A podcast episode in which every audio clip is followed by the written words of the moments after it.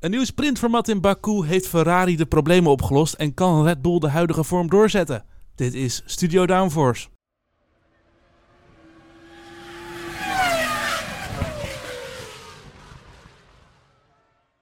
Ja, hallo allemaal en wat leuk dat je luistert naar een nieuwe aflevering van Studio Downforce, de achtste aflevering van het tweede seizoen. We gaan vandaag vooruitblikken op de Grand Prix van Azerbeidzjan. Ja, en dat we mochten vooruitblikken is alweer een maand geleden. Ik doe het niet alleen, ik doe het samen met Elias. Hallo Bram. Hallo, hallo. En samen met Lies. Hey, hey. Hallo, hallo. Nou, wat gaan we vandaag doen? We gaan, uh, het zal je verrassen, we gaan beginnen met een vooruitblik op de Grand Prix van Azerbeidzjan. Uh, want er is uh, veel wat er staat te veranderen voor dit weekend. We hebben de downforce discussies en we sluiten deze aflevering af met het nieuwtje van de week. Elias, waar mogen mensen ons volgen als ze dat willen? Um, nou, dat zal ik je vertellen, Bram. En beste luisteraars, want jullie kunnen ons voor extra content volgen op social media. We hebben Facebook, LinkedIn, Twitter en Instagram. Daar kun je ons volgen op studio.downforce. Daarnaast kun, kunnen jullie ons volgen op Spotify. En dan mis je nooit meer een aflevering van Studio Downforce. En zo is dat. Laten we beginnen.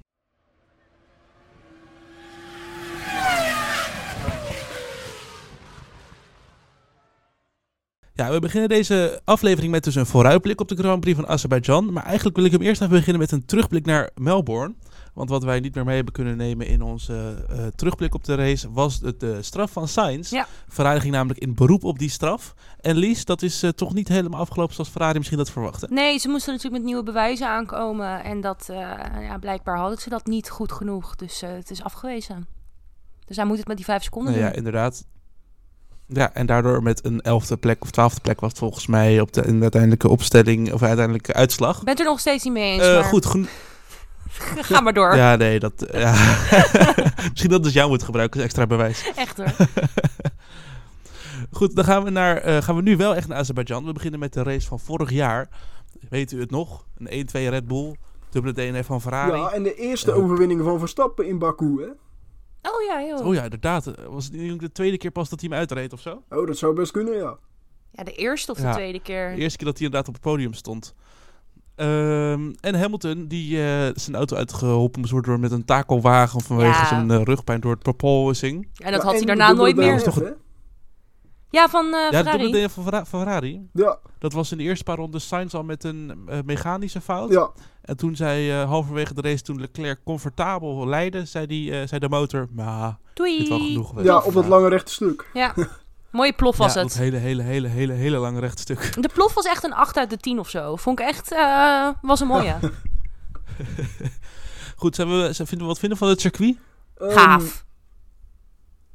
Ja, uitdagend. En zeker voor, voor de kijker is het een spektakel. Maar voor de teams is het natuurlijk echt een, uh, echt een drama en nagelbijten dat die auto maar heel blijft. Want die muren zitten er zo dicht op. Ja. Uh, het, het is minder extreem dan Monaco. Maar ja, dit komt Maar de snelheden zijn wel dubbel zo Snelheid, De ja. snelheid inderdaad. Dus De het is wel snelheid gevaarlijker. hoger. Ja.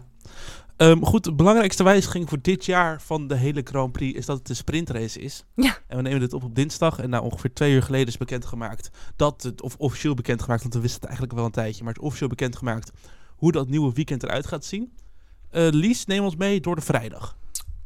Oh, vind ik weer mooi dat je dit aan mij vraagt, hè? Want ik heb natuurlijk weer echt, echt nul voorbereiding. Nou, wij beginnen de vrijdag, beginnen wij uh, volgens mij gewoon wel met een eerste vrije training. Als ik het goed heb. Mhm. Uh, die duurt gewoon 60 minuten. Uh, daarna gaan we gelijk kwalificeren. Dat is ongeveer hetzelfde format als uh, vorig jaar met de sprint. Toen gingen we ook op vrijdag kwalificeren. Alleen we kwalificeren dit keer voor de zaterdag. En niet voor de zondag. Nee. Nee, je gaat nu al de oh, in. Ja, Zie je al toch je voorbereiding beter moeten doen. Op vrijdag kwalificeren we ons voor de Grand Prix. Oh, op vrijdag Dus, kwalificeren we ons eh, voor dus- zondag. En zaterdag gaan we nog een keer kwalificeren voor zaterdag. Ja, Ja, precies. En de uh, kwalificatie op vrijdag, dat is dus degene die, die, diegene die daar het snelst is, pakt pole position. En uh, op zaterdag, dan heb je, wat de plek normaal tweede vrije training was in het sprintweekend. Daar krijg je nu de sprint shootout, zoals dat heet. Ehm, in theorie, of in de praktijk werkt het eigenlijk hetzelfde als een normale kwalificatie. Je begint in Q1 met alle auto's. En dan gaan dus richting Q2 gaan de langzaamste vijf eraf, richting Q3 de langzaamste vijf.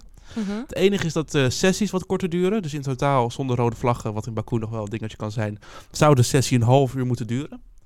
Oh jee. Ehm, ja, dat inderdaad is nog maar de vraag of dat daadwerkelijk ook echt zo gaat zijn. Ja. Wat wel interessant is, is dus, de, officieel is de sprint shootout. En in Q1 en Q2 moeten de teams verplicht de medium band gebruiken. dat vind ik wel leuk. En in Q3, in Q3 mogen dan de coureurs op de zachte band, omdat ze maar 8 minuten hebben en ook dus echt wel het rondje moeten rijden. Want in de sprint shootout Q1 duurt 12 minuten, dat is in de normale kwalificatie 18 minuten. Q, Q2 duurt 10 minuten, is normaal 15 minuten. En Q3 maar 8 minuten. Dus We hadden het al even over, dat is eigenlijk een soort van, je hebt maar één rondje, Ja. succes. Je hebt één Ja, ronde en als er een rode vlag is, dan moeten ze naar de resultaten van Q2. Nou ja, het zou kunnen natuurlijk dat met 5 minuten op de klok een rode vlag is. En dan heb je nog 5 minuten. Ja, maar dan krijg je toch nooit die banden Maar, meer. eh. Ja, dat is dus dat is de vraag of het gaat werken Ja. hier in Baku op zo'n straatcircuit. Ja. Goed, op de zaterdagmiddag Oh, heb je dan gewoon de sprintrace. Jo, Elias? Nou, we hebben het er natuurlijk al even over gehad. ehm, en het is een beetje vergelijkbaar met de one-shot qualifying eh, op de Formule 1 game. Dat je Ja, echt maar heb je wel één acht minuten. Ja, maar ja, ze hebben al eens in het verleden hebben ze al eens een one-shot qualifying format gehad, hè? In de jaren 2000 ergens. En dat hebben ze daarna zeker ook weer Ja. heel snel afgeschaft, of niet? Nou, iedereen, iedereen had dan gewoon één run dat ze echt als enige op de baan waren. Maar ja, dan heb je natuurlijk weer het verschil tussen eh, verschillende ba Ah. baansomstandigheden. Ja, dat ja, werkt ook niet. precies. Helemaal met Ehm, regen en zo. Maar eh, ja, het zit er allemaal kort op. eh, en ja, dat wordt toch wel interessant om te kijken hoe, eh, hoe het verkeer daarin een rol gaat spelen. Of ze dan nu wel meer snelheid maken in, die, eh, in de, in de outlaps. Of dat Ja. het probleem alleen nog maar erger wordt. Ik ben wel benieuwd. Ja, en vooral op zo'n circuit als Baku. Want we hebben natuurlijk ook in Spa een sprintrace. En ik denk dat daar dit format perfect zou werken weer. Ja. Dus het is de vraag hoe dat in Baku eh, zich Ja. gaat uitvertalen. Ik weet wel dat het In in, ieder geval de Monza sprint- niet gaat werken. Nee. nee. In, eh, dus je hebt de sprint shootout. Die eh, uitslag bepaalt de startopstelling voor de sprintrace. En die vindt dan zaterdagmiddag plaats. Nou, dat is een half uurtje. Derde van de normale Grand Prix. 100 kilometer. Dat kennen we zo lang als je, hard als je kan. Het belangrijkste verschil hierin is dus dat de, uitslag van de sprintrace is een uitslag op zich. En dat verandert niks aan de Grand Prix. Dus je kan iedereen eraf beuken als je dat wil.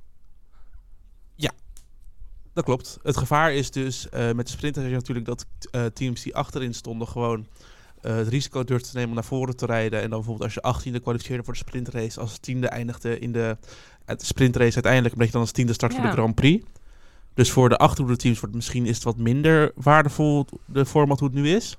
Maar het, ik denk wel dat het, het risico ervan afgaat van de sprintrace. En dat misschien daardoor juist de teams voorin wat meer risico durven Ik te denk nemen. juist wel. Ik denk juist dat er meer risico is, omdat er nu voor de zondag maakt het nu niet meer uit. En dan ga je vol voor die punten op de zaterdag. Ja, nee, het is inderdaad een kans om eh, wat extra puntjes mee, eh, mee te sprokkelen. Ehm, willen we nog door het verhaal heen van hoe de straffen uitgedeeld worden het weekend of vinden we dat te ingewikkeld? Dat klinkt heel ingewikkeld, maar als je het, als je het compact weet te vertellen... Nou ik, eh, ik, ga mijn- ik ga mijn best doen, laten we het zo zeggen. De eh, gridstraffen voorafgaand aan de race, dus stel het is voor eh, een nieuwe motor, Ferrari, of een, nieuwe, een nieuwe versnellingsbak of weet ik het wat. Die straffen die worden meegenomen naar de zondag. Terecht. Dus, ja, dus in principe de straf in het algemeen gaan leveren niks op voor de sprintrace. Dus een gridstraf die je in de vrije training krijgt via de kwalificatie, die gaan voor de Grand Prix op zondag.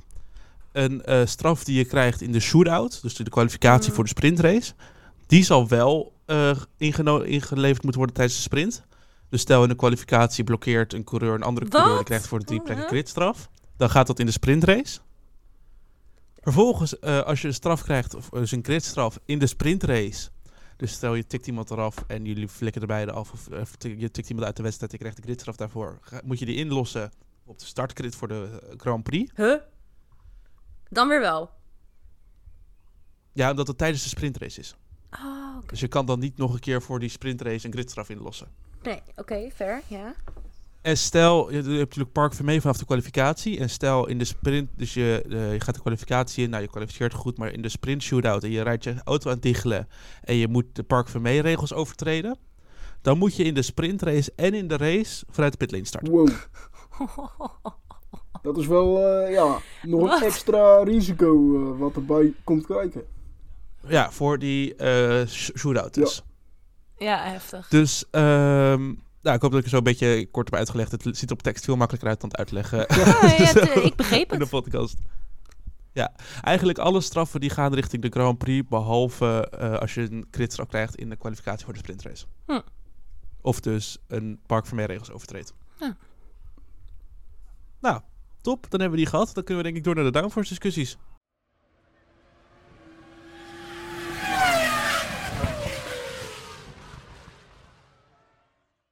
En in de downforce... Sorry.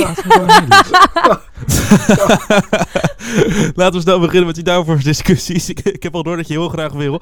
Ehm, in de downforce discussies hebben we een aantal eh, stellingen over het nieuws van de afgelopen week. Geruchten die spelen, whatever. En eh Lies vindt dit het leukste rubriekje. Oh nee, dat is niet waar. Je hebt nu ondertussen nieuws van de week wat jouw favoriet is. Nee, nee, nee. Eh, maar goed, Ja. de of downforce discussie is toch je favoriet? ik denk het wel, ja. Nou, dan eh, wordt het een le- leuke paar minuten nu. De eerste stelling. Nick de Vries moet nu al gaan vrezen voor zijn zitje bij Alfa Tauri. Eens! Eens, helaas. Ehm, ja. Eens. Ja, nee, Bram, dan Ik moet je eigenlijk wel, zeggen want je- oneens, hè? Nee, ja, eens. Maar mijn enige reden om eens, omdat hij een eenjarig contract heeft. Ja, oké. Ik bedoel, ik, ik, eh, op, basis van zijn prestaties denk ik dat hij zich nog niet zorgen moet maken. Maar puur om het feit dat hij een eenjarig contract heeft, dat er van alles kan gebeuren, denk ik van, Ja. nou, Nou misschien ja, moet je wel eventjes zeggen, je oren gaan krabben, wat ga ik volgend jaar doen? maar guys, ik, ik las ergens voorbij komen, is dat eh, Frans Toos heeft gezegd, is dat hij gaat kiezen tussen de twee. En dan vraag ik me wel af, wie zouden jullie kiezen? Nick de Vries of Yuki Tsunoda? Oeh, De ja. Vries. Hmm. Eh, Ik vind het lastig. Tsunoda, zit er echt, Tsunoda is er ooit binnengekomen vanwege Honda. Denk ik. Nou, kijk, Tsunoda, ik denk dat daar meer potentie in zit. Die kan nog groeien. Hij is nog jong, jonger dan Nick. Figuurlijk groeien bedoel Maar- je? hè? Ja, nee, ja, Ja. ja. letterlijk, er zit er Ja. niet veel groei meer in. Maar eh, Nick, ja, heeft wel meer ervaring. Heeft al eh, kampioenschappen gewonnen. Heeft al races gewonnen. Ehm, daar heeft hij meer ervaring in. En ook volgens mij gewoon de, het algehele plaatje. Dus het feedback geven, het meehelpen aan de ontwikkeling van de auto. Ik denk dat Nick daar sterker in is. Alleen als je gaat kijken op pure snelheid, is Tsunoda op het moment beter. Maar ik vind wel dat hij er eh, langzaam aan naartoe kruipt qua snelheid. In- Ook in de kwalificatie. Het gat wordt wel wat kleiner. Alleen, laten we eerlijk zijn, we hadden allemaal meer verwacht van eh, de Vries. Vanaf het begin Ja, al. nou, ik denk, ik denk natuurlijk wel, De Vries is best wel, net zoals Schumacher, een slow learner. Die Ja. won ook niet in zijn eerste jaar Formule 1 het kampioenschap. In zijn F- Formule 2 won hij ook niet het eerste jaar het, kampioenschap. Nee, daar, daar heb je wel Dus de vraag is nu of bij Alfa Tauri of ze daar geduld hebben voor die leer, leercurve van De Vries. Denk ik. Ja, ja. Lies, ben je nog wat over kwijt? Nee, nee, ik denk inderdaad dat hij, dat hij het best wel lastig gaat krijgen. Alleen eh, als ik inderdaad, als ze zou moeten kiezen tussen de twee, zou ik dan toch naar Yuki Tsunoda neigen. Nooit gedacht dat ik Ja. dat zou zeggen, maar ja. Goed, dan de tweede stelling. De sausage curbs moeten worden afgeschaft vanwege de onveiligheid voor de coureurs en schade voor de teams. Nou ja, dit lijkt mij eh, na afgelopen weekend toch vrij duidelijk. Ja, klopt. Ja, even, even wat duiding wel. Eh, eerst even mening. Ehm, ja, eens. Lies? Eh, eens. Ja, ik ook eens. Voor duidelijkheid is natuurlijk geen Formule 1 nieuws dit. Ja, in het verleden is natuurlijk wel Formule 1 nieuws geweest. Maar vooral in de junior klasses richting de Formule 1. eh, Afgelopen weekend, maar voor mij ook de weekenden daarvoor. En sowieso de afgelopen paar jaren. Ja. Is meerdere malen uitgebleken dat de sausage curbs, dus de gele broodjes eh, aan het einde van een curbstone, die best wel stijl zijn. Dat die voor regelmatig ongelukken zorgen. Met vliegende auto's, gebroken ruggenwervels en weet ik het wat allemaal. Ja. Ehm, ja, maar wat, wat, wat zou de vervanger moeten zijn dan? Een grindbak? Ja, Of een muur. Maar daar heb je ook dat je op kan stuiteren. Nou, doe dan maar een muur. Nou, ja, ik zeg eh, grindbak. Dan is er minder ruimte voor, eh, voor eh, fouten. En gaan mensen misschien toch iets minder de limiet opzoeken. Omdat ze weten van, oké, als ik nu in de grindbak terechtkom, dan kom ik niet meer weg.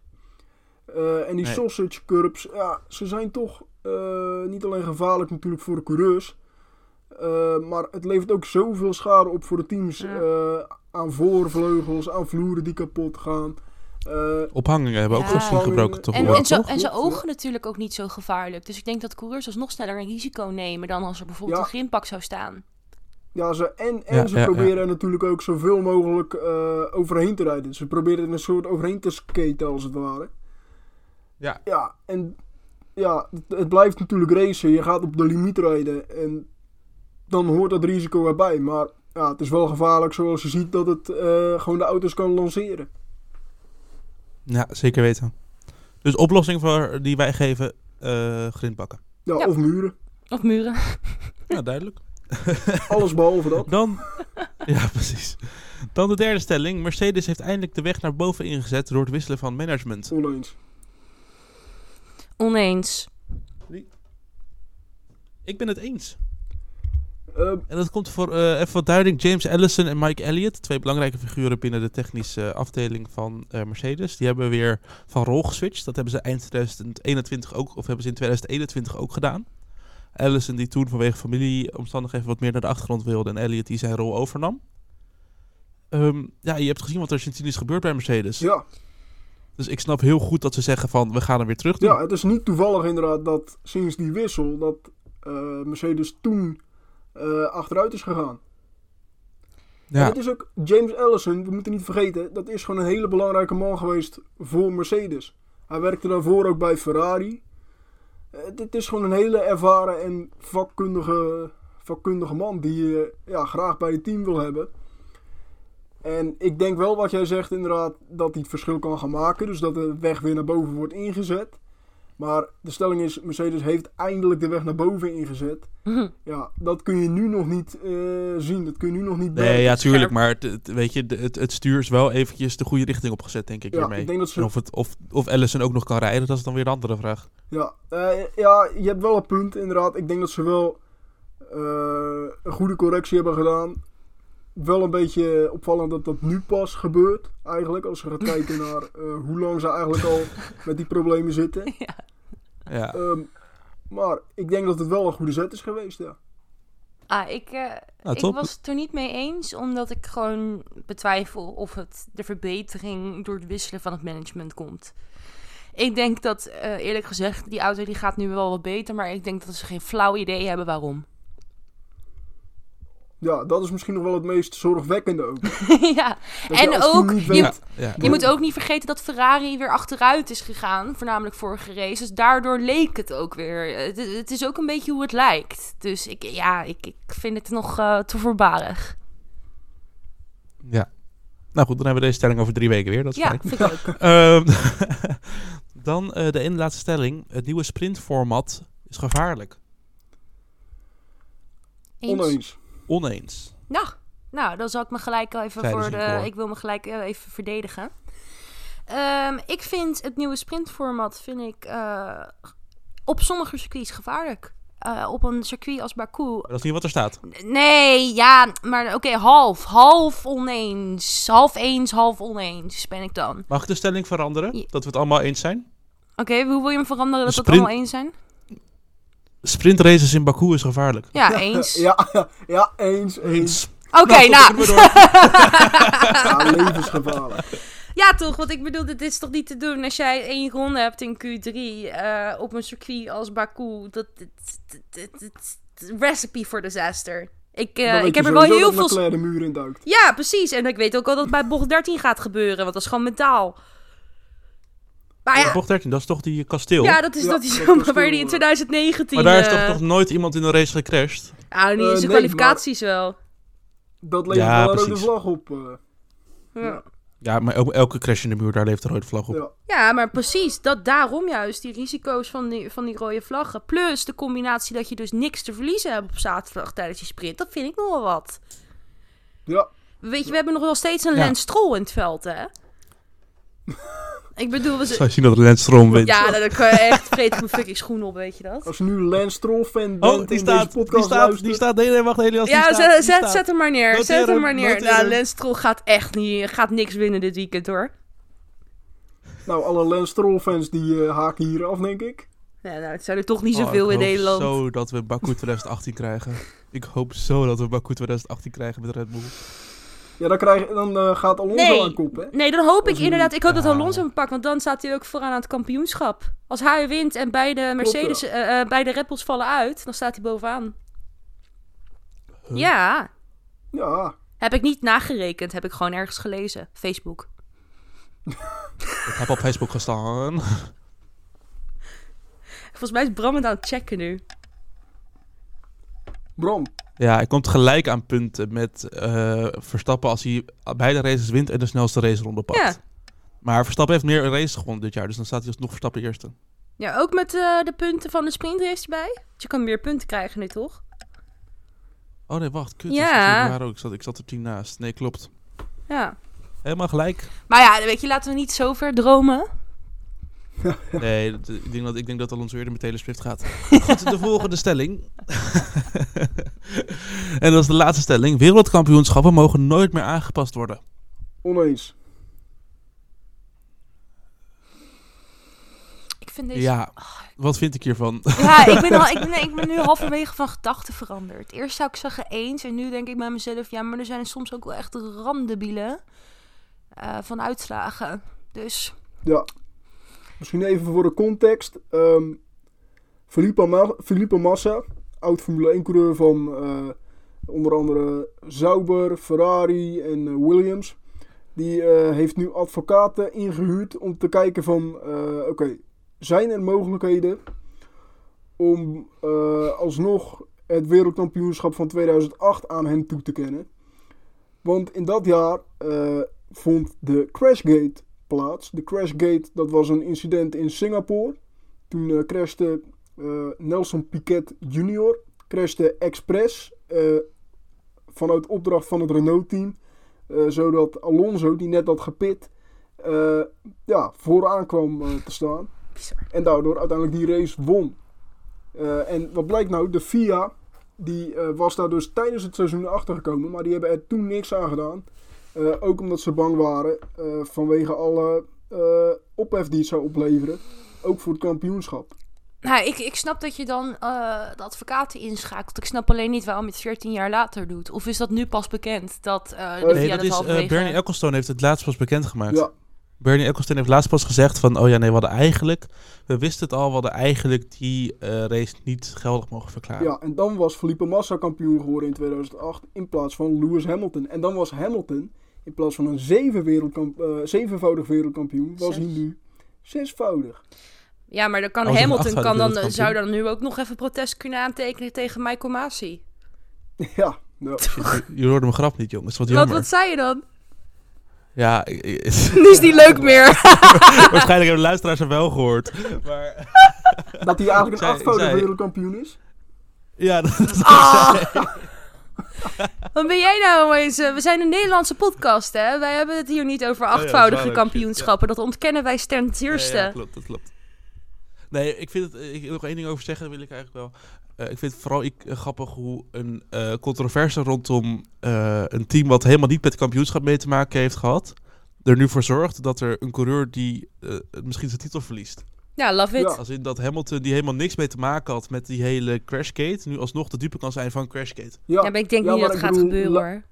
Ik bedoel, we hebben natuurlijk in 2021 ook onze eigen Crashgate, Crashgate gehad van Latifi. Hè? Noem nou geen Crashgate. Shh, shh, dit weet niemand. Niemand weet dit. Nee, shh. Alleen Nederlanders weten dit is geheim.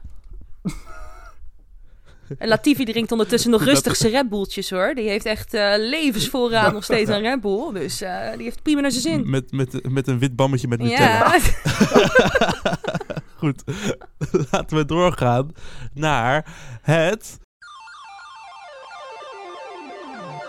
het nieuwtje van de week, week, week. Nou, zo is het maar. Lies. Ja! Zo, ik ga er even voor zitten hoor. Want ik, ja, ik lach al inmiddels op de bank. Dus ik moet even, ik moet even rechtop gaan zitten. Wauw, de werkhouding bij Studio Downforce ligt zo hoog, zo goed.